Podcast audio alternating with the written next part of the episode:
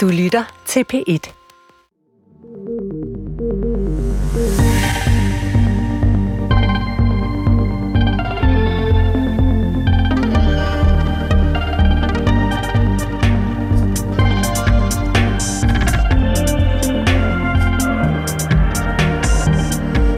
Velkommen til Ring til regeringen. Det er lytternes direkte vej til øh, magten. Mit navn det er Cecilie Lange. Det er mig, der skal sørge for, at minister Morten Bødskov, erhvervsminister, svarer på jeres spørgsmål. Og grund til, at det lyder en lille smule befippet, Morten Bødskov, det er, fordi du simpelthen lige trådte ind i studiet øh, nu. Det var dejligt, at du kunne finde øh, vejen hen, hvor du kommet på afveje. Havde du sat dig ned i Bamses hus, eller hvad var der sket, øh, Morten Bødskov?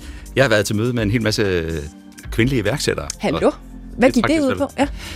Jamen, det gik ud på, at vi skal have flere kvindelige iværksættere, mm. og øh, så er det godt at snakke med nogen, der virkelig har haft succes, mm. om øh, hvilke, ja, hvorfor de har haft succes, og mm. hvilke udfordringer de har mødt på deres mm. vej. Så det var det, jeg lige... Lige skulle have styr på, inden du kom, inden komme i studiet. Vi plejer jo at gøre det sådan, Morten Bødskov, at du skal læse den øh, tekst, yes. øh, eller sådan en lille manuskript, som vi har lagt foran dig, fordi det er jo dit program, det her. Det er jo dig, der, der skal sørge for, at lytteren de ringer ind og, og spørger ind til dit gode ressort, og selvfølgelig alle de ting, som regeringen ellers har på dagsordenen lige for tiden. Ikke? Vil du ikke bare øh, begynde at læse op? Det kan du tro. Så siger jeg velkommen til Ring til regeringen, og som man nok har hørt, som mit navn Morten Bødskov, og jeg er erhvervsminister i SVM-regeringen for Socialdemokratiet.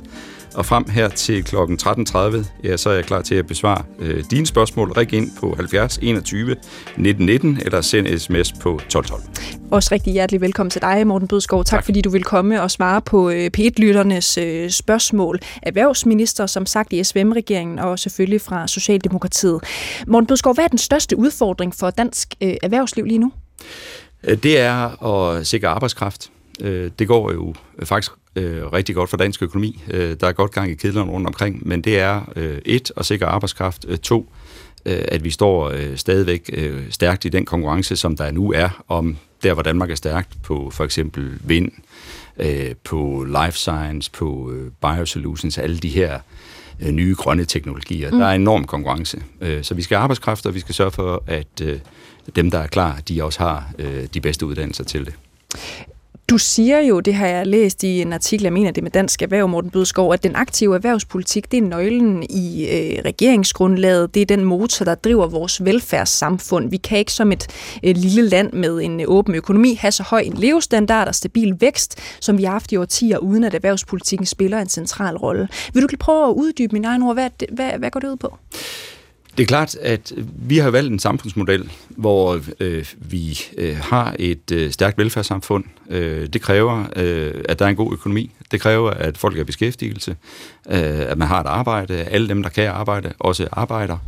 Øh, at vi øh, har sikkerhed for, at vi gør alt, hvad vi kan for, at dansk erhvervsliv står øh, stærkt i den øh, benhårde globale konkurrence, der er. Bare forestil dig, hvor stor konkurrencen er på... Øh, på øh, sådan noget som life science. Øh, nu kører der historie om medicin i radioviserne i dag. Øh, fedmemedicin. Mm. Øh, jeg ved godt, der er alt muligt konst- øh, omkring den diskussion, men grundlæggende så er det jo udtryk for, at vi har øh, store danske virksomheder, som er verdensledende. Øh, og nogle gange kan man godt lige prøve at, lige at træde lidt tilbage, og så spørge sig selv, hvordan kan det være, at vi som lille land, som befolkningsmæssigt vel ikke er større end Hamburg og omegn, er i stand til at have så suverænt stærke virksomheder. Det er fordi, et, vi har valgt at prioritere det. To, investere i dem. Det skal vi gøre endnu stærkere i fremtiden, fordi konkurrencen er benhård.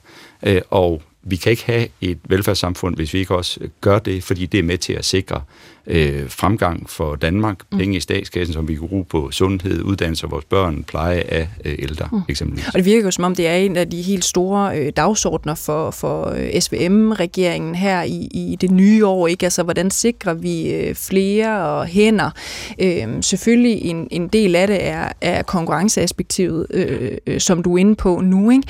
Men, men synes du selv, fordi det er også den kobling, som jeg hører flere af jer lave, at det er ligesom det, der skal sikre, at vi har et velfærdssamfund, velfærdssamfund, som fungerer.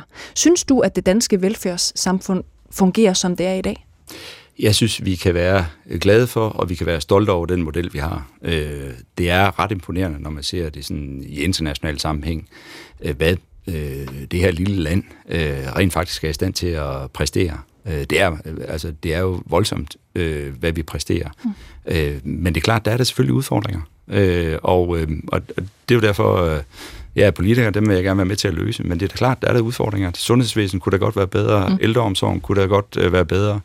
Uh, vi skal løfte uddannelserne af vores uh, børn og unge, vi skal skabe endnu bedre, apropos erhvervsliv, endnu bedre rammebetingelser for vores erhvervsliv. Fordi jeg tror, at det, man skal være klar på, at i den hæsblæsende konkurrence, som der er nu, om der, hvor Danmark er stærkt, er stærke. Øh, det er på det grønne eksempelvis. Øh, der er en benhård kamp om den her nye øh, grønne teknologi, mm. som gør, at vi kan blive uafhængige af Putin eksempelvis. En benhård konkurrence. Øhm, hvis vi ikke investerer i det, øh, så taber vi den konkurrence. Og den model, vi har valgt i Danmark, det er, at det er ikke bare erhvervslivet, der klarer det det hænger nøje sammen med de investeringer, vi laver i vores uddannelsessystem, og dermed det ansvar, vi tager som samfund mm. i samarbejde med erhvervslivet for at stå stærkt i den konkurrence. Morten Bødskov, øh, du har været mange år i dansk øh, politik. Du har haft tre forskellige ministerposter. Indtil for nylig var du forsvarsminister, mm. ikke? Det var du også, da Rusland invaderede øh, Ukraine. Og derfor kan jeg ikke lade være med at spørge dig, øh, Morten Bødskov. Der er jo krig øh, flere steder i verden lige nu. For nuværende fylder det rigtig meget danske medier, og selvfølgelig også danskernes bevidsthed, øh, den eskalerende situation, som, som er i Mellemøsten lige nu. Mm. Hvis øh, lytterne nu har noget på hjerte, der handler om det, er det så okay øh, også lige ja. at, at spørge en gavet rotte som dig ind til, til nogle af de forskellige ting? Helt klart. Det lyder bare godt. Det her, det er ring til regeringen. Det er lytternes direkte vej ind til magten. Du kan ringe øh, til os her i studiet på 70 21 19 19. Du kan også bare sende en sms til 12 12, så skal du skrive på et lavet mellemrum, og så sende din besked afsted. Det koster som sædvanligt en krone. Mit navn, det er Cecilie Lange. Det er mig, der så nogenlunde skal sørge for, at Morten Mødskov, han svarer på jeres øh, spørgsmål. Ring ind til os, som sagt, 70 21 19 19 eller sms til 12 12.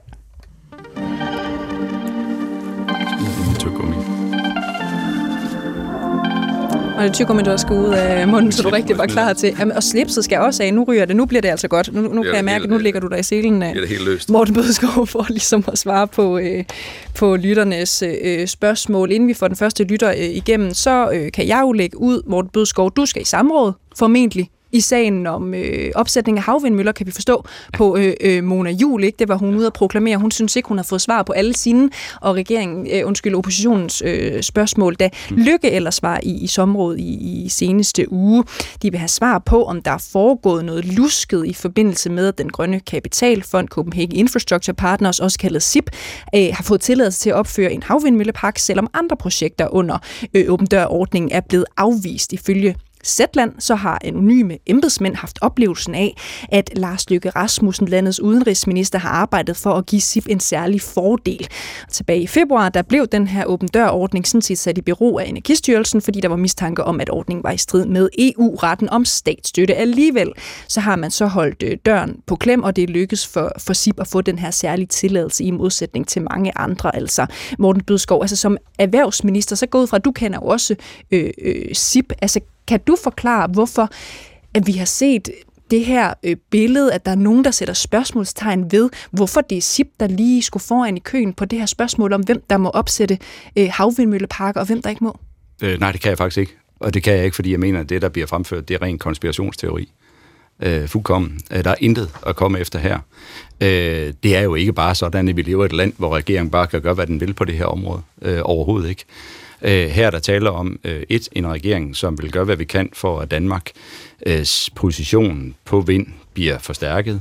Øh, der jeg har også godt læst de artikler, der har været, at mm. der ligesom skulle være sådan en køreklar model, og så sagde regeringen nej til det, og så øh, fordi man ønskede at fremme nogle øh, særinteresser. Altså, jeg tror, hvis man lige prøver at lytte efter, så kan man godt høre, at det er uh, komplet vanvittigt. Der var, ikke, ærlig, bare, bare at sige, ja. der var ikke nogen køreklar plan Ej. i de papirer, jeg har set. Der var en regering, som ønskede at afprøve, om det kunne være rigtigt, at der ikke var en vej igennem det, som var hovedproblemet. At den her åben dørordning blev vurderet af folkene i Energistyrelsen mm. til ikke at være lovlig.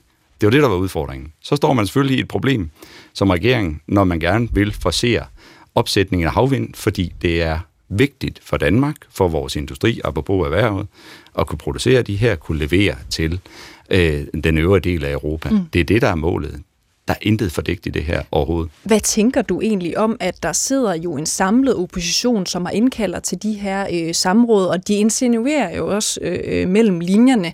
De spørger i hvert fald ind til, om der er nogle af Lykkes rejser, der har været finansieret af SIP. De spørger, om han har modtaget støtte fra SIP og, og flere forskellige andre ting. De synes, det er mærkeligt og mystisk, at man øh, øh, går en anden vej end, end den model, som du også nævner nu her, altså hvor seks ministeriers embedsmænd har foreslået det, som de kalder en køreklar model. Synes du, det er grænseoverskridende, tror jeg, var det øh, ord Lykke også Jeg er 100% på enig med ja. Lars. Altså, jeg mener ikke, der er noget at komme efter overhovedet. Jeg har selv siddet i pågældende udvalg. Vi har haft et hovedfokus, altså et, et mål. Mm. Det har været at gøre, hvad vi kunne for, at Danmark kunne fastholde vores styrkeposition på øh, den grønne omstilling. Mm. Øh, og vi er som sagt et lille land, som er udfordret, øh, og hvor der er andre lande, der også konkurrerer med os om at være dem, der kan producere havvind. Mm. Øh, derfor øh, har vi et mål i at sørge for, at vi får gjort det øh, så hurtigt som muligt. Det er jo mm. derfor, vi laver, altså som i øh, gigantiske udbud. Øh, jeg på mit eget område har stillet realkreditkapital, eller gjort det muligt for realkreditten, at de kan investere i øh, havvind. Mm. Vi gør en hel række ting, og det gør vi, fordi at vi vil være verdensførende på mm. øh, grøn omstilling, også når det gælder havvind. Der er intet at komme efter den her sag, det mener jeg virkelig. Noget af det, jeg kunne forestille mig, som du vil blive spurgt ind til på det her samråd, mm. Øh, Morten Bødskov, øh, øh, det er jo, om du har fået støtte fra SIP, altså Copenhagen Infrastructure Partners. Nej, har du det? Svaret nej. Det har du ikke? Nej, det har jeg ikke. Da jeg talte øh, med øh, en repræsentant fra Moderaterne øh, her i programmet i sidste uge, der ville han ikke øh, svare på, om han havde fået øh, støtte. Er det problematisk, synes du, at man bare får ligesom at få alt, du kalder det konspirationsteorier, ikke? Ja, Vil det men... være øh, bedre, hvis vi bare... Øh, var helt ærlige alle sammen og, og fortalt, hvad har man egentlig fået af støtte, også selvom det er under den øh, grænse, hvor man egentlig er forpligtet til at, øh, at forklare, om man har fået støtte eller ej. Jeg synes, den grænse er fin, øh, og den er lagt i bred enighed i Folketinget. Mm. Øh, når der bliver stillet spørgsmål den her karakter, som, øh, som øh, er rendyrket konspirationsteori, så øh, har jeg ikke nogen anden interesse i at få faret det med banen. Mm. Derfor svarer jeg, som jeg gør. Mm. Nej, jeg har ikke fået støtte fra Copenhagen Infrastructure Partners. Øh, så burde det være klart. Ja. Flere oppositionspolitikere her, blandt andre øh, Mona Jul fra øh, det konservative Folkeparti, kritiserer forhandlingsforløbet omkring Danmarks havplan, hvor hun oplevede, at regeringen i sidste øjeblik sne et punkt ind i den her plan, som man altså de facto sløjfer øh, åben dørordningen, som var sat i bero godt nok, altså uden at man overhovedet har talt øh, med aftalepartierne, drøftet, om det skulle være en del af planen. Øh, Mona Jul, hun kalder det faktisk noget af det mest kritisable, hun har været udsat for som politiker. Det er jeg ikke enig med hende i. Okay. Vi havde en ganske fin drøftelse øh, omkring havplanen. Nu skal man holde de to ting adskilt. Øh, kan man sige, udbuddet af havvind, det ligger ved min gode kollega øh, Lars Ågaard. Øh, havplanen gør det den, nu også det? Ja, det gør det. Øh, havplanen er den, som, øh, så at sige, øh, hvad er havplan? Hvad er en havplan? Det er øh, det er en planlov for, hvad vi må bruge havet til. Mm. Øh, og der var der øh, tre områder, som matchede det, som der var nogle af de her projekter, der er søgt ind på, som altså var berostillet alle sammen, fordi vi forsøgte at finde en vej igennem. Der var tre områder, som matchede det. Det har regeringen nu sagt, det arbejder vi videre med. Det er fuldkommen åbent. Det står i aftalen. Alle kan se det. Øh, og det er øh, forkert at sige, at der ikke har været øh, drøftelser om det, det det vi lavede aftalen. Okay. Så når Mona Jul, hun siger, at i sidste øjeblik, så bliver der sneget et ekstra punkt ind i aftalen, hvor der st- står de facto, at man vælger at lukke åben dør-ordningen, som altså er sat i bero på det her tidspunkt. Så er det ikke rigtigt, det Mona Jul siger? Der er ikke noget, der er snedet ind. Øh, tværtimod, så har der været en regering, og jo altså et helt enigt folketing, øh, som klart har sagt, et, vi ønsker at forsere, øh, kan man sige, udbygning af havvind, øh, to, fordi vi vil være øh, verdensledende fortsat, der er benhård konkurrence, øh, og så udnytter vi så de muligheder, som allerede var i den gældende havplan til det. Det er det, der er kernen i det. Så har I allerede øh, aftalepartierne imellem, da I ligesom skulle lande aftalen om øh, Danmarks havplan, der har I drøftet og fået øh, OK til, der er blevet nikket rundt omkring om bordet, at åben dørlukningen, øh, ordningen skulle lukkes? Ja, altså det, der står i aftalen, står i aftalen, og det har været frit for... Så når Mona Jul, hun siger, at det er noget, det der er står- blevet snedet ind i sidste øjeblik hen omkring klokken Ja. midnat, det kan du slet ikke uh, genkende til. Ja, det er klart, at, at, øh, at ting kommer jo ind, øh, som de kommer ind i sådan en aftaletekst, men øh, jeg mener, det er helt forkert øh, at sige det, øh, som det her bliver sagt. Det står helt klart i aftalen, øh, og det står jo partier frit for. Hvis man er utilfreds med en aftale, så kan man lade være med at være med i den. Mm. Men jeg er glad for, at vi fik lavet en aftale om anvendelse af havet, hvor alle Folketingets partier er med. Det synes jeg faktisk er meget historisk. Ja, Mone Jul, hun siger efter eget udsagn, altså, at hun forsøgte at finde ud af, hvad der foregik, fordi hun aldrig har oplevet noget lignende. Det er hende selv, der siger det. Ikke? Øh, hun fik at vide af dig, Morten Bødskov, at det er sådan her, det er. Kan du genkende den udlægning? Altså, at hun forsøger at finde ud af, hvorfor har man snedet det her punkt ind øh, til sidst øh, lidt over midnat. Hun synes ikke, I har drøftet det overhovedet, aftalepartierne imellem, og da hun så går til dig, øh, øh, minister på området, forsøger at finde ud af, hvad, hvor, hvorfor gør man sådan her, så siger du det sådan der. Nej, det må jeg sige. Altså, det kan jeg ikke. Altså, der er jo også øh, svaret på spørgsmål igennem processen op til det her, øh, så det, det må jeg sige, det kan jeg ikke genkende. Jeg kan ikke genkende, at der her skulle være noget, som et er fordækt, to øh, nogen, der har spillet med skjulte kort. Øh, tværtimod, øh, så er det her jo udtryk for øh, det, som øh, hele Folketinget så med aftalen ender med at bakke op om, nemlig at et, vi skal have en havplan, som, som øh, kan være med til at fremme, øh, at Danmark står stærkt, når det handler om udbygningen af havvind. Så det er det, der er pointen.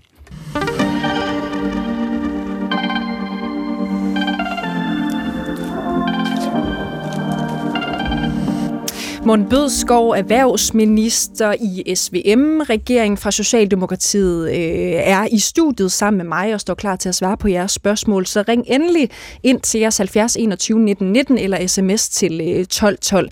Er du klar til at høre fra den første øh, lytter, Morten Bødskov? Yes. Lad os lige prøve at tage en sms. Det er Frederik, der har skrevet ind til os. Han skriver, Hvordan kan det være, at Danmark undlader at stemme for en våbenhvile i krigen i Mellemøsten? Hvis man ikke ønsker hvile, kan man vel bare stemme nej, og hvis man ønsker hvile, så stem ja.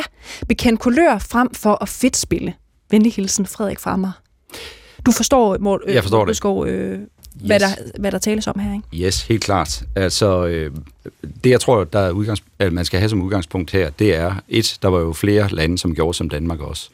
Og det er, øh, fordi at øh, vi her har med et spørgsmål at gøre, som jo desværre ikke er sort-hvidt, men hvor der er forskellige hensyn. Lande har forskellige hensyn, og det har man til sådan en aftale, som der bliver indgået her. Noget Det kan det, som være, var- undskyld Morten Bødskov, ja. jeg bare lige skal give lidt kontekst til dem, der ikke ved, hvad, hvad vi taler om øh, her, fordi det er øh, sådan, at et overvældende flertal i FN's generalforsamling øh, fredag stemte for at opfordre til en øjeblikkelig humanitær våbenhvile mellem Israel og Hamas, men Danmark var ikke i blandt de 120 lande, der stemte for den her opfordring, altså fra FN. Derimod så valgte Danmark sammen med 44 andre af verdens lande at afstå fra at stemme, og var således hverken med til at vedtage eller forkaste den resolution om, øh, øh, altså, det var Jordan i øvrigt, som havde øh, taget initiativet til, øh, at de her 14 lande stemte imod heriblandt øh, Israel og USA. Og, og så tilbage til dig, Morten Bødskov. Altså, hvordan kan Danmark undlade at, at stemme for en våbenhvile, der formentlig kan redde mange hundrede børn i Gaza fra at dø? Øh, fordi der er øh, forskellige hensyn, der, som skulle være med, hvis vi skulle, skulle øh, stemme for den, øh, nemlig eksempelvis øh, Israels ret til at forsvare sig selv. Mm. Øh, det er jo så ikke ens betydende med, at Danmark rent faktisk ikke øh, gør noget for at hjælpe, øh, kan man sige, øh, Gaza-området med den forfærdelige situation, de havner i. Du har også hørt, og det har andre sikkert også hørt, at vi har øh, skruet op for donationerne øh, og hjælpen til Gaza. Så Danmark gør øh, meget, men her i den konkrete øh, situation, der var den tekst, som, som, øh, som var til afstemning, ikke tilfredsstillende for Danmark og sådan en hel række andre lande også. Ej, så det, det er noget med, at der er noget tekst, som I ikke er tilfredse øh, med, og derfor så stemmer I ikke for en, en våbenhvile. Nej. Vil det så være fair at sige, at de her formuleringer i en tekst, i en resolution, som der sidder nogle kloge mennesker og skal stemme for, mm. det er vigtigere end en våbenhvile, der kan redde hundredvis af børn i Gaza? Nej, det vil det ikke. Øh, men det er klart, at der i den tekst, øh, øh, tekst betyder noget i den her sammenhæng også. Og det, som Danmark gerne vil Hvad have betyder haft- tekst? Ja, tekst betyder jo, at så er du enig i det, der står. Øh, og, øh, og det, der ikke stod her, det var jo så eksempelvis øh, Israels ret til at øh, forsvare sig selv, også inden for folkeretten. Mm. Øh, og det er trods alt ret centralt. Men det betyder jo ikke, at øh, Danmark via EU-samarbejdet, som man også har set de seneste dage, via direkte nødhjælp til øh, Gaza, øh, så ligesom taxier ud fra øh, overhovedet at blande os i den her øh, løsning af den her forfærdelige situation mm. dernede. Det, det er mere for, for at forstå det, Morten Bødskov, fordi du, du siger, at det, det er vigtigt det her med, at man selvfølgelig kan genkende til den tekst, og, og en af de ting, som I mener, der mangler, det er omtalen af Israels øh, ret til selvforsvar, altså, selvforsvar undskyld, inden for rammerne af folkeretten, som du også nævner nu her. ikke. Mm. Kunne man ikke vente den om at sige, at det er jo fakta? Øh, Israel har ret til øh, at, øh, at forsvare sig. Mm. Øh, inden for rammerne af folkeretten. Hvorfor behøver det at stå i en tekst, når det er øh, fakta? Det er noget, vi alle er øh, enige om. Og, ja, og så kunne man sige, det, er rigtigt, det, nu, det ved vi alle sammen. Yes. Lad, os, lad, os få, lad os komme igennem med den her våbenhvile. Øh, men man kunne jo også vente om og så sige, hvorfor står det så ikke, når det er fakta? Øh, og det er måske det, der er sagens kerne her. Mm. Er det vigtigt? Er det vigtigt, øh, ja, eller er det, det vigtigt at stemme for, altså stå på den side fra, fra dansk side, at, at man går ind for en våbenhvile? Jamen, det er da vigtigt, at, øh, at, at, at der er øh, hvad skal man sige, øh, klarhed over, hvad det er for et grundlag, der er for øh, det videre, for kan man sige, det internationale samfunds videre færd frem i forhold til den her konflikt. Og det var derfor, Danmark så undlod at stemme i den okay. her situation. Som øh, lytteren her også øh, spurgt ind til, det er, hvorfor stemmer man ikke nej, så egentlig, hvis man ikke er enig i det, der står? Altså, hvorfor stemmer man neutralt? Det er fordi, at det her er måske udtryk for, og måske også den her konflikt, er udtryk for, at international politik ikke bare er sort-hvidt. Øh, og, og, og det tror jeg, at der er rigtig mange, som har diskuteret konflikten øh, senest med Hamas' øh, modbydelige overgreb øh, på Israel, øh, jo, jo også har påpeget, at det her er ikke sort-hvidt, men helt grundlæggende må det jo være sådan, at når et land bliver angrebet mm. på så bestialsk vis, som der her er tale om, så er det da ikke for meget sagt, at når man vedtager udtalelser om det, og det, der er sket efterfølgende, at man skriver, at man har ret til at forsvare sig. Okay. Synes du, de har ret til at forsvare sig på den måde, de gør nu? Øh, det øh, helt grundlæggende, at Israel har ret til at forsvare sig. På den måde, hvordan, de gør nu, synes hvordan, du, at det er hvordan inden for de, rammerne? Hvordan de gør det, øh, det er ud af mine hænder som erhvervsminister at forholde mig til det. Det håber jeg, der er respekt for, men mm. der er ingen tvivl om, at det er voldsomt, og vi håber selvfølgelig alle sammen på, at det stopper. Øh, det er klart, at øh, de gisler øh, kommer tilbage, øh, at der kan komme ro på øh, i øh, den del af Mellemøsten også. Mm. Godt. Er du klar til, at vi byder velkommen til den første lytter, yes. øh, som vi er med på en forbindelse nu, Morten Bødskov? Det er Finn, som har ringet ind til os. Velkommen til dig, øh, Finn Christiansen. Goddag. Goddag. Hvad har du for et ja. spørgsmål med, øh, Finn, Det er meget enkelt. Hvorfor, lukker, hvorfor har I så travlt med at lukke sådan en åben dørordning ned? Bare fordi EU de ømter et eller andet. Er det fordi I ønsker at være klassens duks? så I ligger mere på maven for EU, end en form muhammedaner ligger på maven for alle. Og et billedsprog, vi også, der var til at tage at føle på øh, her. Morten Bødskov, tusind tak. Finn, lad os bare øh, kaste os ud i, i, øh, i svaret også. Er man for hurtigt til, for det er jo rigtigt nok, det er jo, ja. det, det er jo i EU-regi, at yes. man har fundet ud af, at den her åben dør-ordning, øh, nu, nu taler vi om havvindmøllerne igen, ikke? at, at det, det kunne være på kant med noget EU-lov, EU-ret. Øhm, hvorfor er man så hurtig til bare at, at sige, okay, så er det nok rigtigt fra dansk hold? At, nu var det jo ikke hurtigt. Altså, rent faktisk så undersøger vi jo stadigvæk en, en vej ud af det inden for rammerne af EU-retten. Men jeg tror trods alt, det er klogt, at vi som land øh, overholder de regler, som vi er en del af. Mm. Øh, hvis man nu bare sagde, at vi kørte ud over rampen her, kørte over for rødt, og sagde til øh, de virksomheder, som havde budt, øh, sæt I bare det der op, gør det hellere i går end i dag, så hurtigt som overhovedet muligt.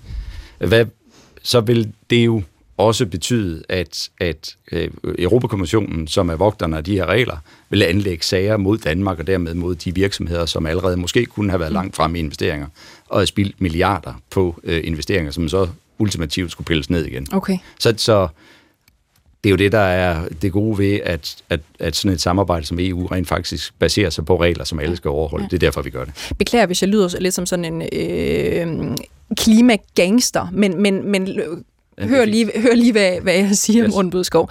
Kunne man ikke vende den om og sige, det vigtigste, ultimativt øh, øh, vigtigste, det er også noget, det regeringen har, har lagt for land øh, med at sige, ikke? det er, at vi skal have vindmøller op. Vi, det uret tigger, når det kommer til den grønne omstilling. Mm. Lad os få en masse vindmøller op, og så lad os finde ud af, hvad EU siger om et par år eller mere, når det så har været igennem en domstol eller og så videre, og så finde ud af, om der er noget, der skal rettes ind.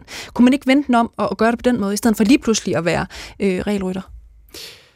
Ja, altså det er jo så det, vi får kritik for. Øh, at vi, altså, folk kritiserer jo os for, at vi har ville trykprøve det EU øh, siger, og at vi, øh, og det EU-retten siger. Mm. Øh, det er jo det, vi får kritik for nu. Altså vi, vi har jo faktisk gjort det, vel eller mindre, som du siger, altså konstateret, okay, der er et problem, men så har vi trykprøvet det, øh, forsøgt at finde veje, øh, øh, kan man sige, igennem det. Øh, selvfølgelig stadigvæk, således at det er, er, er, er lovligt, det vi gør, men dog alligevel finde veje igennem det. Det er jo det, vi har forsøgt, øh, så det er ikke sådan, altså, altså Regeringen har et mål, det er, at det skal op så hurtigt som overhovedet muligt, fordi vi vil være en grøn stormagt øh, i øh, Danmark. Øh, det skal ligge inden for rammerne af EU-retten. Det tror jeg er closed. Øh, øh, og, øh, men, men det bruger vi nu tiden på at, at, at se, om vi kan finde en vej øh, øh, til. Altså, vi har ingen andre hensyn end at få det her op som hurtigt som muligt. Vi skal ud og igennem den her EU-ret. Det er det, der er udfordringen lige nu. Thank you.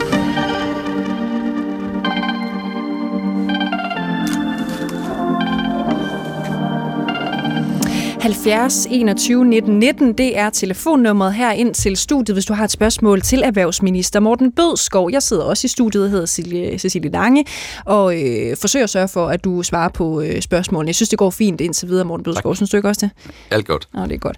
Øhm, du får lige en sms her fra Thomas, som har skrevet ind til os. Han har skrevet øh, ind på 12 12, altså skrevet P1, lavet mellemrum, og så sendt øh, sin sms afsted til 12 12. Han skriver, min højt uddannede kæreste fra Filippinerne kommer kommer til Danmark om et år. Hun vil meget gerne have et job hurtigst muligt. Hvor længe skal hun vente, før hun må arbejde? Erhvervslivet skriger på uddannet arbejdskraft, men de nuværende regler ser i høj grad ud til at forhindre, at virksomhederne i at få øh, nye uddannede folk. Er der planer om at ændre på reglerne, så det kan gå hurtigere? Venlig hilsen Thomas Puggaard Møller. Forstår du spørgsmålet, øh, Morten Bødskov? Det kan du tro, og Thomas har helt ret i, at det her er en, øh, en del af svaret på, hvordan vi får den nødvendige arbejdskraft til vores erhvervsliv. Mm. Øh, punkt et er, at vi skal sørge for, at øh, alle dem, der kan bidrage, øh, som er i Danmark, så at sige, og er danske, de øh, bidrager også. Øh, vi laver også reformer, som gør, at øh, for det andet, altså laver reformer, som gør, at øh, at øh, flere kommer hurtigt igennem uddannelse eksempelvis. Øh, vi øh, har afskaffet en helligdag, bededag, er der simpelthen også nogen, der kan huske for at sikre, at der er arbejdskraft også mm. i fremtiden til vores erhvervsliv. Og så er det klart, som vi skriver meget tydeligt i regeringsgrundlaget, at udenlandsk arbejdskraft spiller også en rolle. Der er store kæmpe store danske virksomheder, for hvem det at kan tiltrække øh, udenlandske talenter er øh, helt afgørende. Mm. Og så er der virksomheder, som har desperat behov for arbejdskraft, og det er derfor, vi skriver i regeringsgrundlaget, at vi vil kigge på, hvordan vi kan forbedre mulighederne for det mm. øh, til områder, hvor der er ordnet forhold på øh, den enkelte virksomhed på arbejdsmarkedet. Jo, det er jo virkelig i kernen af dit område, det her, øh, yes. Morten Bødskov. Hvor meget fylder det, altså sådan, når du, når du er ude og tale med dansk erhvervsliv, deres, fordi vi har jo hørt det i flere år nærmest, ja. de skriger yes. på hænder, de, de, de mangler simpelthen. Mm. Hvor meget fylder det, når du er ude og tale med dem? Det er rigtig meget. Mm. Øh, og, øh, og derfor... Øh, Øh, Øh, så tror jeg, man, øh, altså, vi skal se sådan på det lidt i forlængelse det, du startede med at spørge om. Altså, hvad er sammenhængen mellem det at have et øh, godt, hurtigt, dygtigt, velfungerende erhvervsliv og så øh, et øh, solidt velfærdssamfund? Der er en enorm øh, direkte sammenhæng. Øh, hvis vi beslutter os for at sige, at, øh, at det her med at arbejde mere og sådan noget, det, det er der ikke rigtig nogen grund til. Øh, Øh, hvis det går hen og bliver sådan termen generelt, øh, og hvis vi siger, at vi vil lukke landet af fuldkommen over for øh, udenlandske talenter og udenlandsk arbejdskraft, så taber vi alle på det. Så taber vores velfærdssamfund på det. Så vi er nødt til et arbejde. Det er ligesom det, der binder Danmark sammen. Mm. Det er årsag nummer et til, at vi kan have et så veludviklet velfærdssamfund, hvor vi, hvor vi bruger øh, mange penge på øh, velfærd, øh, ikke mindst i forhold til andre lande, øh, som vi typisk sammenligner os med. Og to, så er vi selvfølgelig også nødt til at, hvis vi gerne vil have store danske virksomheder, som er i Danmark, som driver og som skaber vækst og job og skatteindtægter, så er vi også nødt til at være åbne over for at sikre dem, øh, at de får den arbejdskraft, også uden for landets grænser, som de har behov for. Så hvis vi sådan lige vender tilbage til Thomas' spørgsmål konkret her, Morten Bødskov, altså han har en, en filippinsk kæreste, der meget gerne hurtigt vil, øh, vil i arbejde. Øh, han skriver så, de nuværende regler ser i høj grad ud til at forhindre, øh, at virksomhederne i at få nye uddannede folk.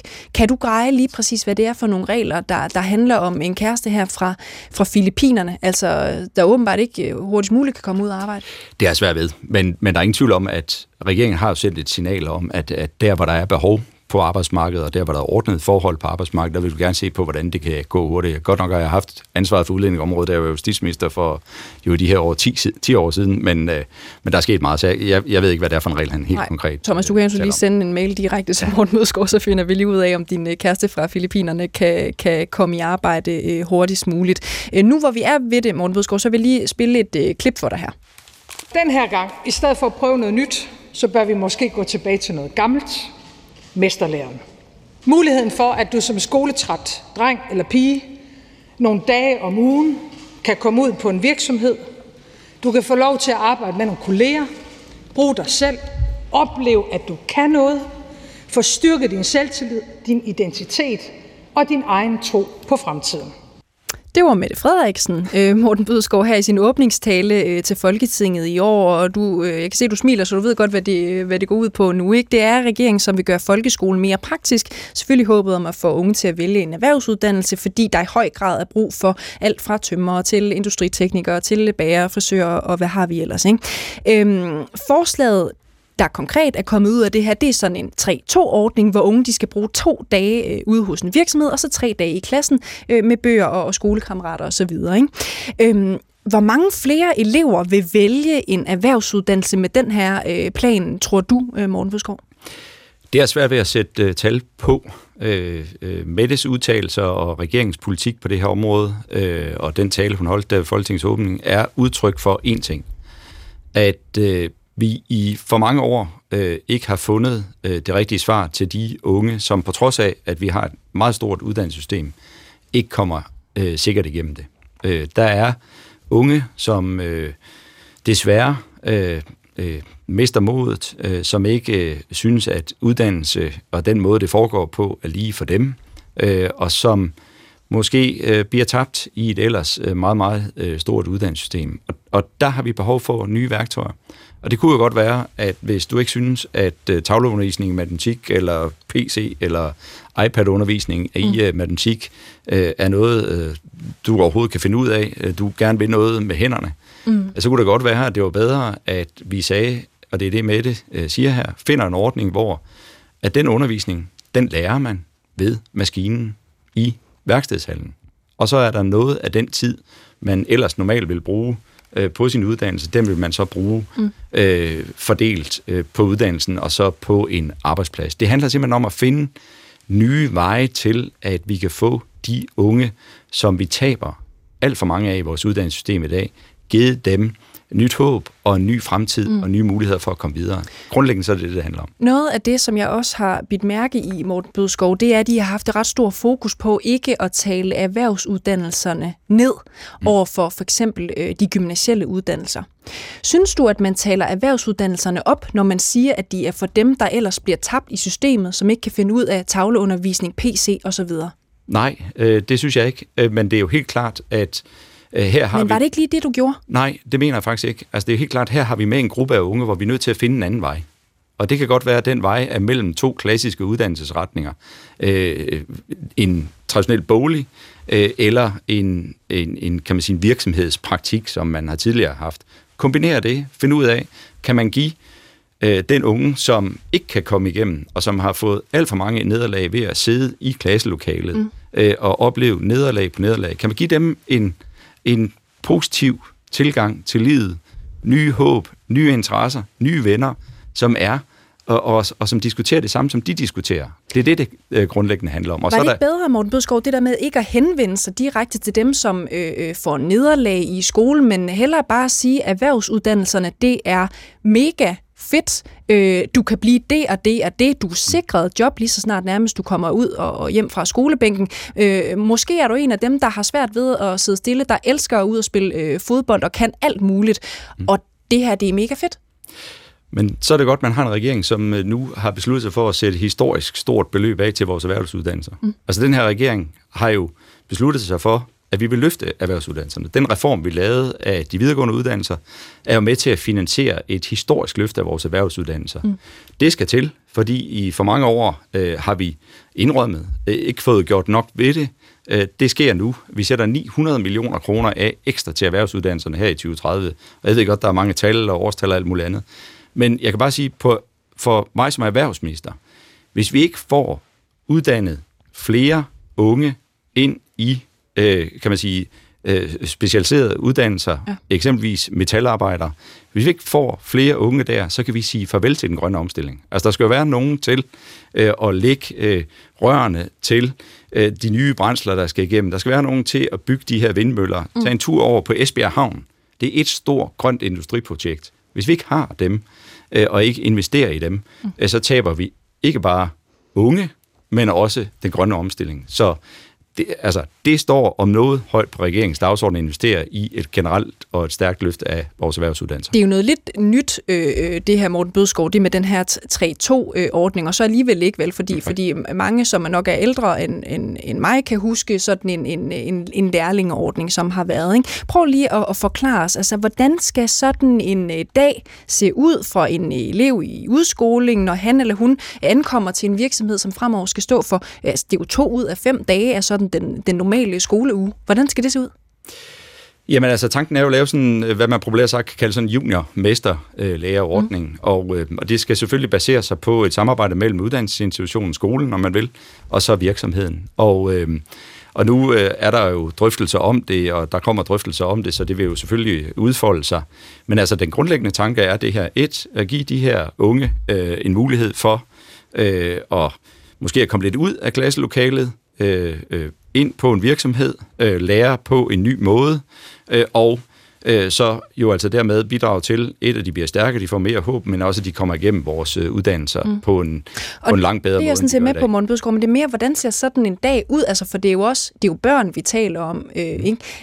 Er der en eller anden form for øh, retning på, hvornår møder man, hvornår er der ja, pause, hvad, hvad, hvad for nogle kvalifikationer, og ja. øh, de skal have dem, som står og tager imod ja. de her elever ude i virksomhederne? Det vil der selvfølgelig være. Ja. Det er jo ikke bare sådan, at man sender øh, vores øh, unge ud af folkeskolen og konstaterer, at øh, du hører ikke til her, det kan være, prøv der. Mm. Sådan er det jo ikke. Nej. Det her handler om, at vi vil noget, vi vil give øh, nyt håb via en ny uddannelsesretning. Altså, jeg synes, det er fremragende, mm. øh, og jeg er helt sikker på, at der vil være store dele af dansk erhvervsliv, som også kan se en klar interesse i at få fat, om man vil, om de unge tidligere. Det er jo det, de får mulighed for her. Ja. Og dansk erhvervsliv de har jo øh, praktikanter en masse, og masser af dialog med arbejdsmarkedets parter og med øh, tage ud i hvilket som helst lokalsamfund, se hvad der er dialog også mellem erhvervslivet og den lokale uddannelsesinstitution, folkeskole og ungdomsuddannelse det kører allerede i dag, okay. så der er et koncept, så at sige, og en model, ja. øh, tror jeg ikke bliver svær at finde her. Det tror Nej. jeg ikke. Så, det, så vi kan måske skele til nogle af de virksomheder, som i forvejen har øh, praktikanter på forskellige øh, måder, og så er det en øh, model, der kan overføres ja, helt sikkert. Til. Altså, rigtig mange dele af dansk erhvervsliv er jo tæt dialog med uddannelse. De lever af uddannelse, ja. mm. og de lever af at tage godt imod øh, veluddannede unge. Mm. Øh, jeg tror, det vil rykke sig så meget hurtigt, hvis der er dårlige oplevelser, så øh, misser man chancen for at tiltrække øh, unge i så høj grad, som man ellers har kunnet.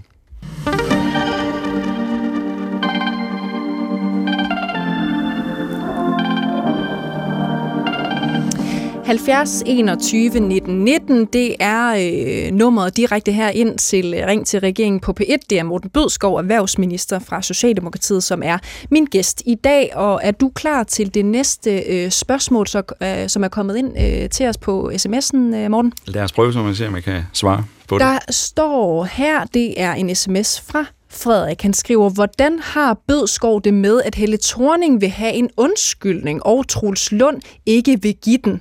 Vil Morten have givet en undskyldning, venlig hilsen Frederik, som har skrevet ind til os. Øh, Morten Bødskov, det har jo været en stor historie i seneste uge. Din tidligere formand, i øvrigt øh, tidligere statsminister, Held Thorning øh, Schmidt, har været ude øh, skyde mod skarpt mod øh, den nye leder af Venstre, Troels Lund Poulsen, øh, som for mange år siden har opført sig uhederligt, øh, mener Held Thorning Schmidt. Hvad synes du Sy- synes du, at øh, Troels Lund øh, Poulsen, din nye kollega jo også i øh, SVM-regeringen, skal han sige undskyld til Helle? Det blander mig ikke i. Øh, det må, øh, det må øh, Helle jo køre debatten om, som, som hun nogle gange vil. Der er ingen tvivl om, at, at Helle og hendes familie, Steven og, og de, som dengang var børn, men som nu er unge, Øh, Øh, det var meget, meget hårdt. Øh, jeg stod selv forrest øh, på mange måder i, øh, i øh, debatten om den der pågældende sag. Øh, på mange måder så forstår jeg godt, at det har øh, sat sig meget, meget hårdt, men hvad der skal siges undskyld for, om man skal sige undskyld, hvem der udtaler hvad, øh, det vil jeg ikke blande mig i. Bjarne Korydon og din tidligere kollega også har været ude og bakke Helle thorning øh, Schmidt øh, op mm. den. Han synes sådan set, det vil være fair at give en øh, undskyldning, når man tænker på, øh, hvad der er sket til dem, der ikke øh, lige kan huske det. Så, så kan vi jo sige, at det var øh, Troels Poulsen, der havde øh, vagten, siger Helle thorning Schmidt, da en af de største administrative politiske skandaler skete i Danmark. Der blev vist alt for stor interesse for min private skattesag, og vi ved også, at han brød sin tavshedspligt, da han øh, til adskillige personer ud udbredt sig med falske rygter om mig, og det handlede jo blandt andet om, øh, som du er inde på nu, Helle Thorning øh, Smits øh, mand, øh, som værende homoseksuel, altså falske øh, rygter. Men har du ikke en holdning til det personligt, Morten Bødskov, om du synes, den slags opførsel, er det noget, man bør sige undskyld for? Det må øh, de pågældende selv afgøre. Øh, jeg vil koncentrere mig om, den sag var øh, og er øh, alvorlig. Øh, der er ingen tvivl om, at øh, det var jo også derfor, der blev nedsat en undersøgelseskommission om den. Øh, den er belyst nu, sagen. Alle kan læse, øh, hvad der står i den. Øh, hvad man har af synspunkter om det i dag, øh, det må dem, der øh, enten er eller har været involveret i det, det må de jo selv afgøre. Det er ikke noget, jeg tænker mig at blande mig i. Du siger, at sagen er belyst, men Helle thorning Schmidt siger jo, at Troels Lund Poulsen øh, for eksempel aldrig har forsøgt at komme til bunds i, øh, hvem det var, der lækkede Helle thorning Schmidts øh, personlige skatteoplysninger. Øh, noget af det, der også jo øh, kom frem i, i den sag dengang, det var jo, at Truls Lund Poulsen øh, vidnede falsk. Er det en hederlig person, som gør sådan? For det er jo altså- det, Helle thorning Schmidt siger, at det er han sådan set ikke, hvis man spørger hende. Ja, jeg tror, det fremstår relativt klart, at, øh, at, øh, at, at dem, der stadig mener, at der er behov for debat her, den debat må man jo tage. Øh, jeg har sagt og tilkendegivet, hvad jeg mener om den her sag. Det er, og det er jo ingen grund til at skjule, det er en meget alvorlig sag. Og, og hvis man vil fortsat have debat om det, så skal jeg ikke stå i vejen for det. Nej, du vil ikke Men jeg, jeg har øh, ingen aktier i den, øh, og jeg har ikke tænkt mig at blande mig øh, i den. Jeg vil sige det sådan, jeg har et ganske fortrinligt samarbejde med uh, Truls Lund Poulsen. Vi er regering sammen. Jeg har kendt ham siden midten af 90'erne, øh, dengang da vi battlede som øh, jeg henholdsvis formand for Danmarks Socialdemokratiske Ungdom, og ham formand for Venstres Ungdom mm. på øh, forskellige ungdomsuddannelser. Vi har kendt hinanden i rigtig mange år, øh, og jeg har et ganske udmærket samarbejde med ham. Øh, og det går jeg ud fra, at jeg skal have mange år øh, i den her regering, som, øh, som øh, vi er fælles om at, at have skabt på mange måder. Godt. Lad os lige prøve at byde velkommen til øh, Paul, der har ringet ind til os øh, fra Odense, ser det ud til. Velkommen til dig, Paul. Tak for det. Hvad er dit spørgsmål til Morten Bødskov? Det er, at øh, hvorfor det skal være sådan, at det ikke kan betale sig at opsætte solcellepaneler på offentlige tage. Altså, det jeg kender til, det er en... Øh, her på Fyn, der bliver bygget nogle nye haller til en skole. Og så siger jeg, når man så laver I det vel sådan taget, at der kan opsættes solceller. Og så får jeg den besked, det gør det ikke, for det har de undersøgt. Det kan ikke betale sig, fordi de må ikke selv administrere det der strøm, der kommer og går. De skal oprette, et, der skal oprettes en, øh, et firma for sig selv, som administrerer og køber og sælger det der sol. Mm. Tusind tak, øh, Paul. Øh, jeg kan se på Morten Bødskov, at du ser øh, ud som om, at du forstår øh, spørgsmålet. Ja, det er også noget, vi har hørt flere gange, Morten Bødskov, det her med, at det ligger ikke øh, i kommunal regi, og man bare lige vil plotte en masse øh, solceller op på tage, som jo ellers kunne være smart. Hvor, hvor, hvorfor har man ikke fundet en løsning på det? Ja, du kender ikke den øh, konkrete sag, men jeg kunne forestille mig, at det har noget at gøre med afregning og betaling, skatter og afgifter, og hvad kommuner øh, kan og, øh, og, og, og ikke kan. Altså øh, målet om, at vi skal have mere øh, sol og mere solenergi, mm. øh, det er øh, regeringen jo sådan set enig i. Det er jo derfor, vi har udpeget de der meget store energiparker nu, hvor der eksempelvis også kan sættes øh, solenergi op. Hvad der i den her konkrete sag er udgangspunktet, det kender den simpelthen ikke godt nok til. Men man kan i hvert fald sige, at regeringen står ikke tilbage. Bødskov, ikke? Altså, det er et princip, det der med, hvis der nu sidder nogle interessenter ude i kommunerne, som synes, det her, det sætter jeg da bare øh, op, det er mega smart, jeg har ikke noget imod det. Altså at overtage den opgave et eller andet sted, som I jo ellers øh, statsligt skulle ud og, og, og løse. Hvorfor i alverden gør man ikke det meget nemmere? Det kan også meget vel være, at vi skal se på det, og der er temmelig sikkert også nogen, der sidder og kigger på det. Øh, men, men, øh, men jeg er ikke i stand til at gå ind, bare for at sige det som det er, øh, i en meningsfuld diskussion omkring det. Målet om, at vi også skal udfolde mere solenergi. Det er regeringen enig i, mm. og det står jo i øh, den aftale, som øh, god kollega Lars Ågaard her for ikke længe siden øh, fremlagde. Hvad siger du til det svar, Paul? Jamen, jeg siger, at min datter, hun arbejder på en skole, hvor de bygger nogle nye haller for 35 millioner kroner. Så forsvandt det. Nej, nej. Nej. Nå, øh, de bygger nogle nye haller for 35 millioner kroner. Og øh, så siger jeg til hende, at øh, så må I da, så har I vel sørget for, at der kommer solceller på taget. Mm. Så siger hun, jamen det har vi undersøgt, men det bliver alt for dyrt, fordi vi må ikke selv administrere den solenergi. Den skal administreres af et særskilt firma, der skal oprettes, og det vil sige, at der skal være en bestyrelse, og der skal være, øh, ja, hvad der nu skal til for, Ja. for, at firma kan køre, og de mennesker, de skal jo have noget for det. Og, og så, øh, så er alle pengene væk. Godt. Jamen, øh, Paul, det lyder jo, øh, det lyder jo øh, skørt og en lille smule besværligt, øh, men Morten Bødskov øh, har, har som sagt svaret, han kender ikke lige den konkrete sag. Er det noget, du vil undersøge, Morten Bødskov, også det der med muligheden for forskellige folk, der, der bygger Ja, ting, øh, altså, om det- de bare kan sætte op? Helt sikkert, det er noget af det, som man sagtens skal kigge på, helt klart. Og øh, jeg kan så sige, at noget, jeg vil kigge på, det er at vende tilbage med Morten Bødskov efter en øh, radioavis, som vi skal have nu, hvor klokken den er blevet 13.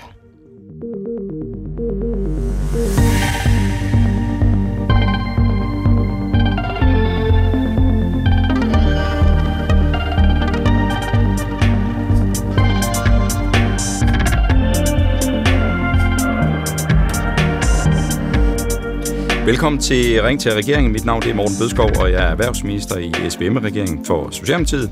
Og frem til her kl. 13.30, ja, så er jeg klar til at besvare dine spørgsmål. Du kan ringe ind på 70 21 19 19 eller sende en sms på 1212. Velkommen, Morten Bødskov, her til den sidste del af øh, Ring til regeringen. Vi står her lige en halv time nu og svarer på øh, spørgsmål fra de gode lyttere, som øh, ringer ind 70 21 19 19. Som sagt, det er øh, nummeret herind til. Skal vi ikke bare kaste os ud i det, Morten, og byde velkommen til den næste lytter? Det er, øh, nu skal jeg lige se her, Mohammed, som øh, har ringet ind til os. Velkommen til dig, Mohammed. Goddag, goddag. Du Tak har, du har et spørgsmål til Morten. Hvad går det ud på? Hej Morten. Hej, hej. Jeg er iraner, og jeg hjælper en del, fordi min bror han er overlæger, og der er meget, mange af hans bekendte har fået visum til Danmark. Arbejdsvisum som overlæge eller sygeplejersker. Ja. Men der er en dilemma der, når de kommer ind, de har lov til at have penge med, de har opholdstilladelser, men de kan ikke om din bankkonto. De finder dyre lejligheder, de skal bo i, men de kan ikke betale deres depositum, fordi ejendommen vil gerne have bankoverførsel. Yes. Jeg har været med, snak med banken. Jeg har spurgt dem, hvordan vil det være. For eksempel en, der sætter i min konto. Jeg betaler og siger, åh, så vil vi lukke din konto. Så har jeg været ude og snakke med International House. De kunne heller ikke hjælpe. Og ejendomsselskabet, vi, vi kan ikke tage mod kontanter. Nej. Og det opfordrer enormt meget til hvidvaskning. Fordi de får henvendelser af mange forskellige folk. Ja, hvis du sætter pengene i det her konto, i det her land, så skal vi nok betale den deposit. Okay. Øh, Mohammed, tusind tak, fordi du ringede ind. Hæng bare på, og så må vi prøve at se, om øh, Morten Bødskov har et godt øh, svar til dig. Øh, Ja, tak. Morten Bødskov, erhvervsminister, det er faktisk ikke første gang, jeg hører om den Nej. her øh, problemstilling, at der simpelthen øh, er øh, folk i Danmark, som har opholdstilladelse, som ikke kan få en bankkonto. Ja. Hvad handler det om? Jamen, det handler grundlæggende om, at... Øh, ja, det, er, det er jo rigtigt nok, når du siger, at det ikke er første gang, du hører om det, fordi nogen kan måske huske, for ikke så længe siden var der en diskussion om øh, udsatte grupper, som øh, for eksempel dem, der sælger hus forbi, øh, som øh, øh var usikre på, om de måtte bruge deres øh, egne private konto til de indtægter, de får for hus forbi, eller de skulle oprette en konto i banken, og den kunne de så ikke få, og derfor så har de så brugt deres egen.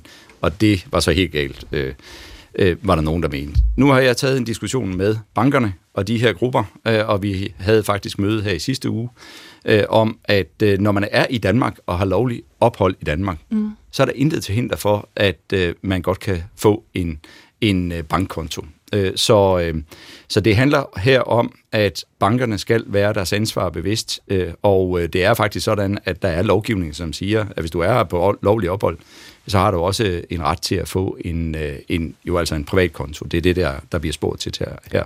Ja, så lad os bare lige få det skåret ud i pap. Der er simpelthen ikke øh, regler for nuværende lovgivning eller noget jo. som helst andet, ja. som, som, som forhindrer det her? Øh, nej, Altså, det er adfærd fra øh, Så det er bankernes adfærd, der er sådan set er skyld i, at der er mennesker her i Og det kan der Danmark, være forskellige ikke... års... Yes, ja, og det hvad kan, kan årsagerne være? Det øh, er noget af det, som jeg forsøger at finde ud af. Øh, fordi at, øh, at, at, at det, der er regler for, at hvis du er her lovligt, øh, så har du også ret til at få en, øh, en bankkonto. Øh, så derfor så har jeg taget den her diskussion med bankerne, øh, og, øh, og jeg tror, at de er ved at finde ud af, at det er uholdbart, ikke mindst også, når vi taler om udlandsk arbejdskraft eksempelvis, mm. øh, så skal de jo også spille med. Hvad, hvad har du gjort for ligesom at få bankerne til at indse, at den her praksis, den holder ikke?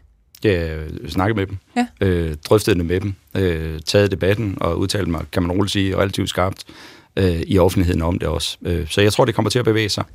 Øh, og, øh, og, øh, og, og det er noget, vi har, altså det er et problem, vi har set.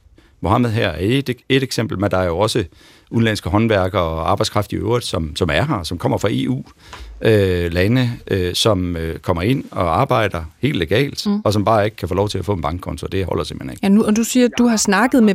Ja, undskyld, Mohammed, hvad har du? Jamen, altså, det er jo problemet er, de kan ikke få en CPR-nummer, før de har en adresse.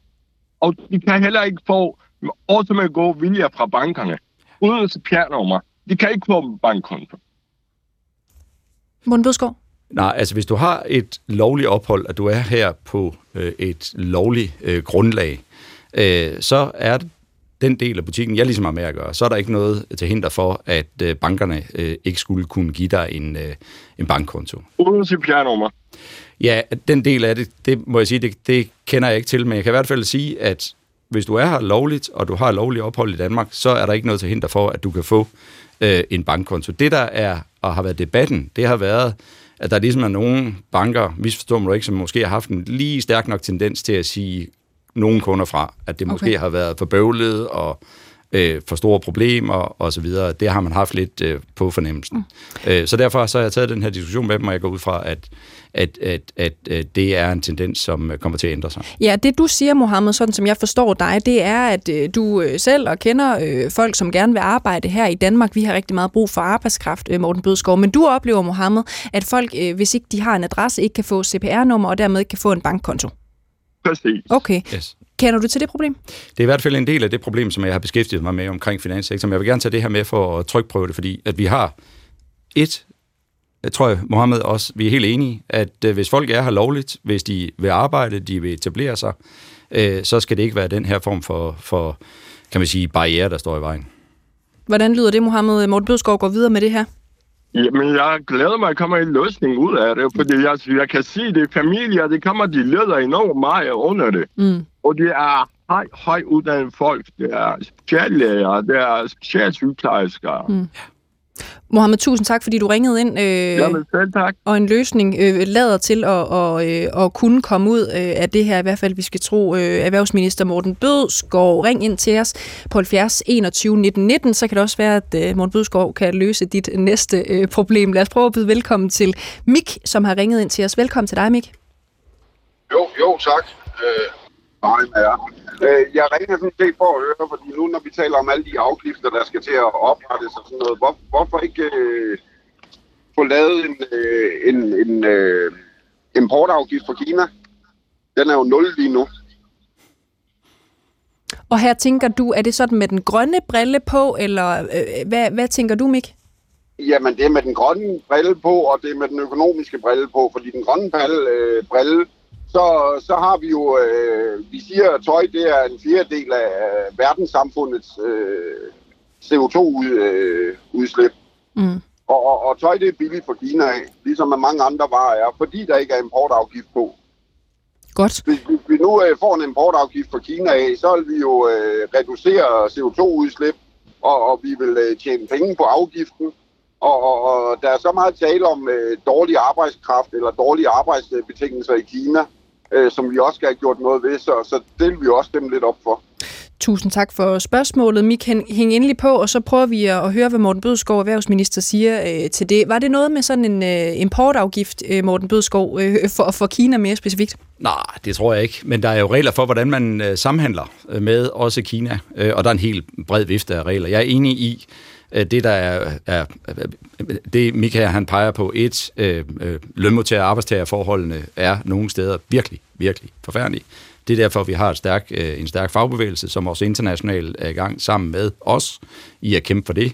Øh, vi har traditionelt sagt øh, fra dansk side, og det siger vi også øh, fra Europas side, at, øh, at Kina skal vi have ingen i verdenshandlen. Hvis vi lukker Kina ude, så er Kina og Kinas økonomi så stor, at øh, så vil det øh, virkelig slå hårdt mod verdensøkonomien. Og dermed med jo også mod et lille land som Danmark. Mm. Øh, og det her skal i høj grad håndteres i EU. Øh, det er ikke noget, vi kan gøre øh, alene. Noget af det, øh, Morten Bødskov, fordi Mik, han, han har også den grønne øh, brille på, og jeg har lagt mærke til, at I gerne vil være et grønt forgangsland, og mener også øh, til en vis grad, at vi er det i dag, Morten Bødskov. Men, men det er jo sådan, at øh, hvis vi kigger sådan på øh, øh danskernes forbrug af CO2, både hvad de øh, køber og så videre, øh, jamen, så er vi ikke helt så englebasseagtige, øh, som, som vi er, når vi taler grøn teknologi for eksempel. Med, med det en mente, vil det så ikke give mening at indføre en, øh, en lille importafgift, så øh, danskerne var mere tilbøjelige til at købe øh, lokalt, i stedet for for eksempel at, at købe masser af kinesiske varer, som sviner helt vildt? Man kan have, jeg er helt enig i, at det er en diskussion værd, mm. øh, og, øh, og, og hvordan vi kan dreje vores forbrug i en grøn retning, er helt bestemt også en diskussion værd. Vi gør jo rigtig meget øh, politisk også for at sætte rammer om grøn produktion. Øh, det gør vi på, på landbruget, og på, på øh, det gør vi på vores industri. Det står til at dumpe de der øh, mål lige nu, ikke? Jo, men det er klart, at der er udfordringer. Men jeg tror bare, at det at sige, at vi ikke gør noget, og vi på ingen måde går forrest, øh, det passer faktisk ikke. Altså Danmark er, når det handler om produktion, grøn produktion af energi, som du selv siger, mm. opstilling af det, øh, understøtning af øh, grønt forbrug, øh, så er vi faktisk ret langt fremme. Men vi er jo ikke så langt fremme med, med, med øh, grønt forbrug netop, vel? Altså danskerne forbruger øh, på en sådan måde, at vi sådan per indbygger øh, sviner rigtig meget CO2, øh, også hvis vi kigger på øh, lande, vi normalt sammenligner os med. Hvad vil I gøre fra regeringens side for at, at sætte en stopper for det? Det er nok svært lige så bombastisk, som du nu siger det her, at sætte en stopper for det, øh, fordi at, at, at, at det, det, det at dreje vores forbrug i en mere grøn retning, det er et ordentligt drej, der skal til. Der er ingen tvivl om, at, at der er en sammenhæng mellem det at være et af verdens mest velstående lande, have et højt forbrug, og så den udfordring, det er at dreje det i en grøn omstilling. Men det arbejder vi på. Øh, det gør vi med at understøtte økologi, det understøtter vi grøn omstilling, det gør vi med at understøtte produktion, grøn mm. omstilling af produktion af de varer, der kommer øh, til at stå på hylderne. Og så synes jeg også, man må sige, at når man ser på vores, øh, vores øh, detailhandel, øh, så, så hjælper de jo også. Øh, økologien øh, har fået et boost, øh, betyder mere. Og økologi, kan, det gør jo ikke noget ved, ved Nej, CO2. men det er trods alt en del af, øh, det er trods alt en del af øh, forbruget, øh, at det grønne forbrug spurgte du til, ikke? Øh, så, så derfor synes jeg, at der sker rigtig meget. Økologi har jo ikke noget at gøre med, hvor meget CO2 vi forbruger. Nej, nej, men du sagde grønt forbrug, og der er det trods alt bedre, at man køber økologisk, end man køber Men udfordringen er jo CO2-aftrykket, øh, ikke? Jo. Det er vi enige om. Det er vi enige om. Er det ikke lidt en stråmand at, at smide det der økologi ind? Øh... Nej, men det var fordi, du sagde grønt forbrug, så svarede jeg på grønt forbrug. Jeg synes, man er grøn, når man køber økologisk, øh, og måske lidt mindre grøn, hvis man kører, køber konventionelt. Men det er rigtig nok, at CO2-udslippet Øh, det er andre øh, tangenter, jeg trykke på. Godt, det var bare ja. lige det, jeg ville have, have med. Ikke? Mik, hvad siger du til svaret her fra Morten Bødskov? Jo, men jeg er da glad for, at han, øh, det er en diskussion værdig, men øh, det er jo sådan set kun Kina, der ikke øh, betaler importafgift. Det ved, det ved jeg så ikke. Ved du det, Morten Bødskov? Øh, ikke i detaljen, desværre. Nej, okay. Men Mik, øh, uanset hvad, øh, et svar til dig i hvert fald, og tusind tak, fordi du ringede ind til os på 70 øh, 21 19 19. Og lad os bare hoppe videre til den næste lytter, der har skrevet ind øh, til os. Det er fra Eva, som øh, skriver for Aarhus, kan jeg se. Hun skriver, Hejsa Bødskov. Flygtninge fra Ukraine har fået en masse ros for at være gode til at integrere sig i det danske samfund og arbejdsmarked. Viser netop dette ikke, at vi bør ændre flygtningepolitikken for alle, således de får adgang til arbejdsmarkedet med det samme, i stedet for at sidde på centre og blive grøntsager. Plus, skriver hun så, sprog har vist sig nemmere at lære for flygtninge, hvis det relateres til deres daglige arbejde. Med venlig hilsen, Eva i Aarhus. Hvad siger du til det øh, spørgsmål, øh, Morten Bødskov? Jeg tror, man må være fair at sige, at er der noget, der har præget den danske udlændingelovgivning de senere år, så er det et meget, meget, meget direkte fokus på, at dem, der kommer her, de skal også i arbejde og de skal i beskæftigelse, og deres børn skal igennem uddannelserne. Og er folk i arbejde, og er deres børn sikkert igennem uddannelsen, så er mange problemer løst. Mm. Det er jo derfor eksempelvis den kontanthjælpsreform, som regeringen lige har lavet, også har et benhårdt fokus på det. At der skal ikke være nogen med muligheder for at arbejde, som sidder ikke og er i arbejde. Så det har regeringen et meget, meget øh, direkte fokus på. Og så er jeg glad for kommentaren omkring de ukrainske flygtninge. Øh, heldigvis øh, så... Øh, så er virkeligheden den, at rigtig mange af dem, de er i beskæftigelse. Der er, skal det siges, også en stor opgave, der er stadigvæk at løse, trods alt.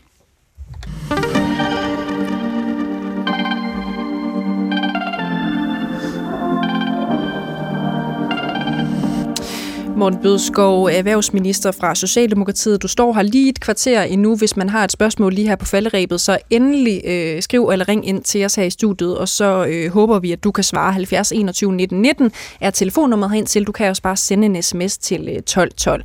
Morten Bødskov, øh, regeringen har lige præsenteret en øh, revideret udgave af lovforslaget om at forbyde øh, koranafbrænding. Det sker efter en periode med høringssvar, hæftig debat om forslaget, som jo er blevet kritiseret i skarpe vendinger fra flere sider sider. Erhvervslivet var måske lidt mere øh, positivt stemt over for det her forslag, øh, selvfølgelig fordi der er en masse øh, øh forbindelser internationalt øh, også.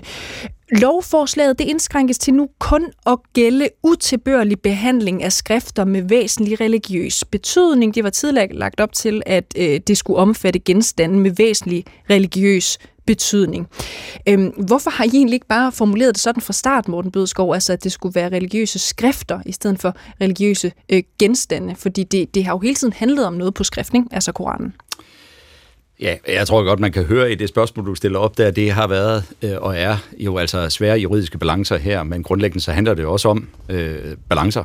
Altså det handler om, at der er nogen som bevidst provokerer her, som man må forsøge at undgå mm. med øh, eksempelvis øh, de sociale mediers genkomst, at man kan have meget, meget, meget få personer, som er i stand til at øh, lave øh, handlinger, øh, gøre ting, øh, som øh, betyder, at Danmark øh, bliver øh, et øh, mere udsat land. Det vil vi simpelthen ikke have, og det ansvar har vi øh, taget på os.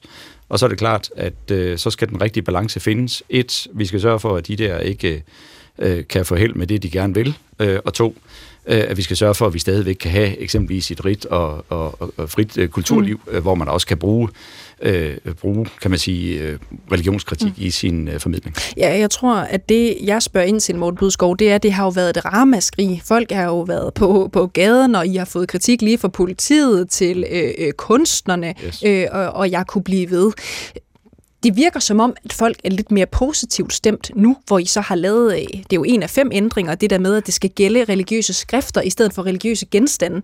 Og jeg spørger så, hvorfor har I ikke skrevet skrifter fra start? Det er jo det, det handler om. Nogle gange øh, i øh, sådan en lovgivningsproces, øh, og det lærer man, når man har været, og for eksempel, det har jeg selv lært i, gennem mange år i Folketinget, så, øh, så, er der, så starter debatten et sted. Øh, det skriver man et lovforslag ud fra. Øh, så er, sender man det i høring, som det formelt set hedder, fordi man gerne vil have øh, politiets, øh, organisationernes indspark til det, har vi fundet den rigtige balance mm. her. Altså, det er en helt normal procedure. Ja. Øh, det er set mange gange før. Øh, og nu retter vi så lovforslaget til, og du kan se ud af de positive tilkendegivelser, som er kommet efter, vi har sendt nyt lovforslag frem, det er, at, at øh, grundlæggende så har det jo faktisk været en meget god proces. Mm. Det vigtigste er, at vi finder et lovforslag, som øh, et, øh, når det mål, vi gerne vil nå, og dem, der skal være med til at sikre det, altså eksempelvis politiet, myndigheder og andet, øh, de også kan se, at øh, balancen er til at håndtere for dem ja. i dagligdagen. Ja. Og apropos øh, politiet, ikke, så er det jo noget, som øh, de har faktisk været ude og kalde det elastik i metermål. Altså selve den her lovtekstformuleringen af, hvor de, de vidste simpelthen ikke, hvor, hvordan de skulle øh, gribe den her opgave an, og det er også derfor, de har været kritiske. Ikke? Øhm, nu øh, siger de så, øh, Ja, jeg kan se her på formuleringen, at man sådan set holder fast i, at det skal være utilbørlig omgang med prik, prik, prik. Men hvad er det, det der utilbørlig betyder? Ja, jeg tror i al respekt for øh, øh, øh kollega Hummelgaard, justitsministerens øh, store arbejde for det, så hvis man vil ind i fine juridiske øh, overvejelser om, hvad det betyder, så, så, så må man øh, tage det med øh, de gode folk i Justitsministeriet, men øh, det er næppe øh, ukendte begreber øh, i øh, dansk lovgivning. Øh, og så er virkeligheden jo den, at så er vi jo et retssamfund. Øh, så godt nok så vedtager vi lovgivning i Folketinget, men det er jo domstolene, som så øh, fra sag til sag mm. øh, vurderer, øh, hvad betyder utilbørligt her. Mm. Jeg er helt sikker på, at man står på et øh, godt fundament. Det vil være domstolen, som fra sag til sag afgør betydningen af det der, Øh, og så har man jo en praksis, som man så også administrativt, altså som politiet også ved eksempelvis, hvordan de skal håndtere. Men grundlæggende, så synes jeg, det er fint, at man har øh, sørget for, at, at, at det er blevet mere præcist, øh, og at det så dermed jo også bliver et mere effektivt håndtag for dem, som så kan være med til at gøre det til virkelighed. Godt.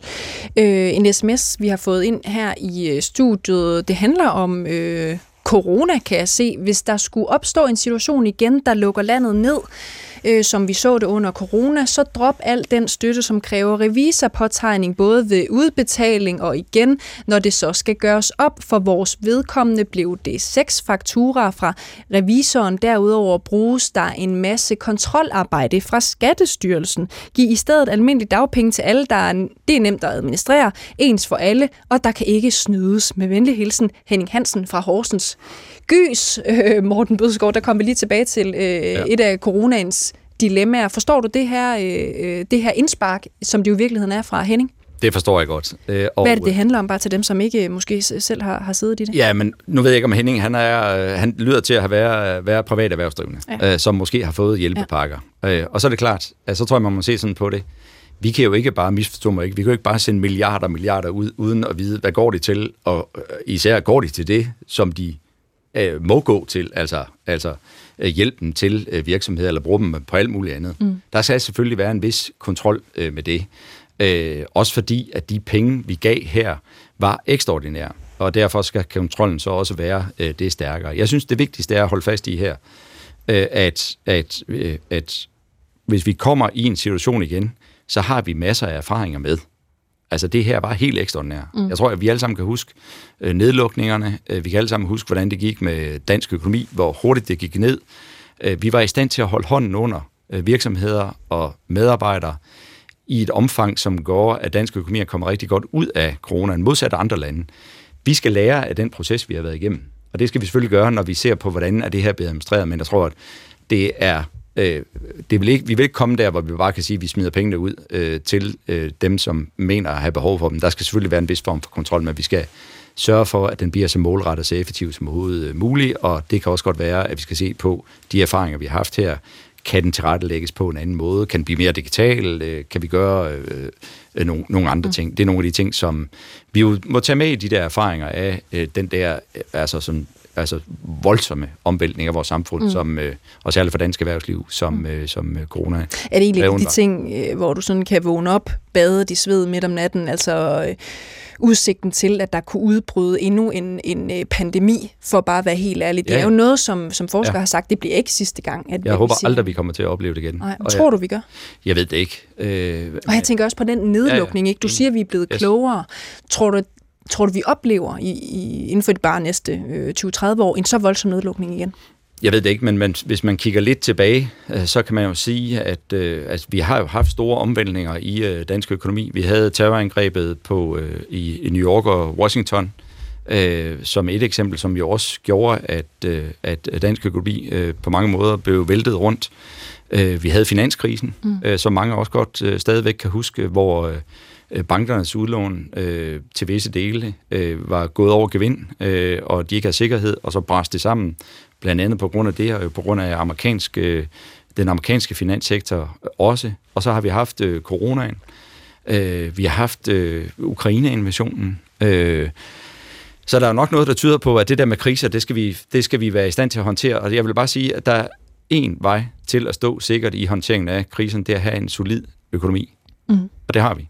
Øh, og det er jo derfor, at vi også var i stand til at komme så sikkert ud af coronaen, som vi var. Men jeg tror, man må, man må man kan håbe, at vi ikke kommer i den situation, men man må nok være ærlig at sige, at, at sådan som verden den former sig, så er det nok ikke sidste gang, vi har set øh, store kriser. Lad os prøve at byde velkommen til den næste lytter, der har ringet ind til os. Det er øh, Michael, som har ringet fra Næstved. Er det ikke rigtigt, Michael? Det er fuldstændig rigtigt. Hvad er dit spørgsmål til Morten Dødskov? Jeg vil gerne høre, øh, du siger, at øh, hvad hedder det, vi er et for, grønt foregangsland. Hvordan rimer det så med, at vi faktisk i år netto har færre vindmøller, end da vi skulle, skulle hvad hedder det, nytårsaften sidste år? Det er jo et meget konkret spørgsmål, Morten Bødskov. Hvad i alverden er forklaringen på det? Præcis, og, og det er jo lige nøjagtigt derfor, at regeringen har virkelig lagt sig selv i scenen for at at, øh, at, at finde vej ud af de problemer, som, som berostillelsen af den her åben dør-ordning gav os. Det er derfor, vi har søgt at se, om vi kunne finde en vej til at få, få, få opstillet noget havvind eksempelvis øh, hurtigere. Men det er rigtigt nok, at, øh, at, at det ser ikke godt ud øh, med opstillingen, ej heller af øh, øh, møller på land. Det vi har gjort, øh, øh Michael, det er, vi lige har lavet en aftale om, eller fremlagt et forslag om øh, energiparker, altså store, større dele, store områder i vores land, hvor vi vil have øh, udbygning af vedvarende energi. Og det kan være solceller, det kan være øh, vind, øh, altså vedvarende energi, øh, så, så vi er i den grad øh, på sporet der, fordi det er klart, at hvis vi, du har jo ret, at hvis vi gerne vil være grønt forgangsland, så skal vi også gøre alt, hvad der står i vores magt for at blive det. Har Michael ikke ret i, at I så ikke kan kalde øh, Danmark et grønt forgangsland, når I er lykkes med sådan set netto at have opsat øh, færre vindmøller end, end bare sidste år? Nej, det mener jeg bestemt ikke. Hvordan er man et grønt forgangsland, hvis man sætter færre vindmøller op? Øh, det er man ved, det er man ved når du ser på, hvad regeringen rent faktisk laver, kommer med at udspil, laver af aftaler, så er vi det land, som går altså længst forrest her. Vi taler om energiøer ved Bornholm, vi taler om havvindmølleparker i et omfang, som ingen andre gør. Nej. Og det er jo øh. det der, du siger jo noget, der er rigtigt her. Ikke? Du siger, at de snakker om det, men, men, men I er jo ikke kommet i mål med særlig meget af det endnu. Der er nemlig lavet aftaler, ja. men, men mm. kan man ikke først kalde sig et grønt forgangsland, når man ser øh, handling? Det er jo det, Lars Løkke for eksempel er ude og sagt mange gange i sidste uge. Ikke? Det, det lader jo vente på sig. På nogle dele gør det, fordi at øh, det vi også skal have fat i, det er sagsbehandlingstider, det er godkendelsesprocedur, vi skal sikre, at der er kapital til de der, man skal huske på, det er jo gigantiske milliardinvesteringer, mm. vi taler om her. Alt det der øh, arbejder vi med øh, nu, og så vil jeg bare sige, øh, her i næste uge, der skal jeg øh, øh, som erhvervsminister til, øh, til øh, øh, Denver og Omaha i USA. Hvorfor skal jeg det? Det skal jeg blandt andet, fordi de gerne vil høre lidt om, hvordan kan det være, at Danmark er så langt frem, når det handler om grøn omstilling, mm. og et grønt om, øh, forgangsland, som vi gerne vil være. Mm. Husker du så at fortælle dem, hvor dårlige vi er til at øh, udlede lidt CO2 per indbygger. Jeg, jeg skal nok huske at fortælle den hele historien, men jeg skal være tur hurtigt i dag. Og så skal, så skal jeg i hvert fald få sagt til dem, at hvis de gerne vil, vil med øh, på den rejse, så er der masser af gode øh, øh, vindmøller, der skal produceres i Danmark, og dem kan de købe af os. Godt. Michael, øh, fik du svar på dit spørgsmål fra Morten Bødskov, erhvervsminister her?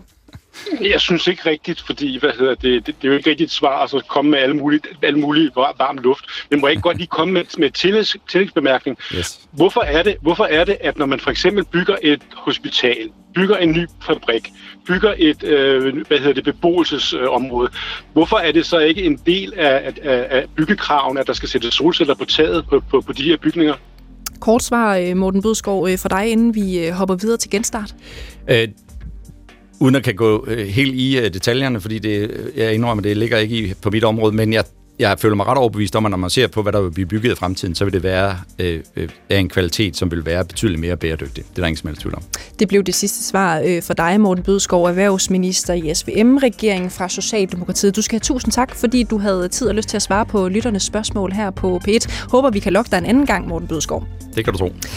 Nu øh, er der genstart lige om et kort øjeblik. Der er P1-debat øh, præcis samme tid, samme sted, altså i morgen. Mit navn det er Cecilie Lange. Tusind tak, fordi I lyttede med. Gå på opdagelse i alle DR's podcast og radioprogrammer. I appen DR Lyd.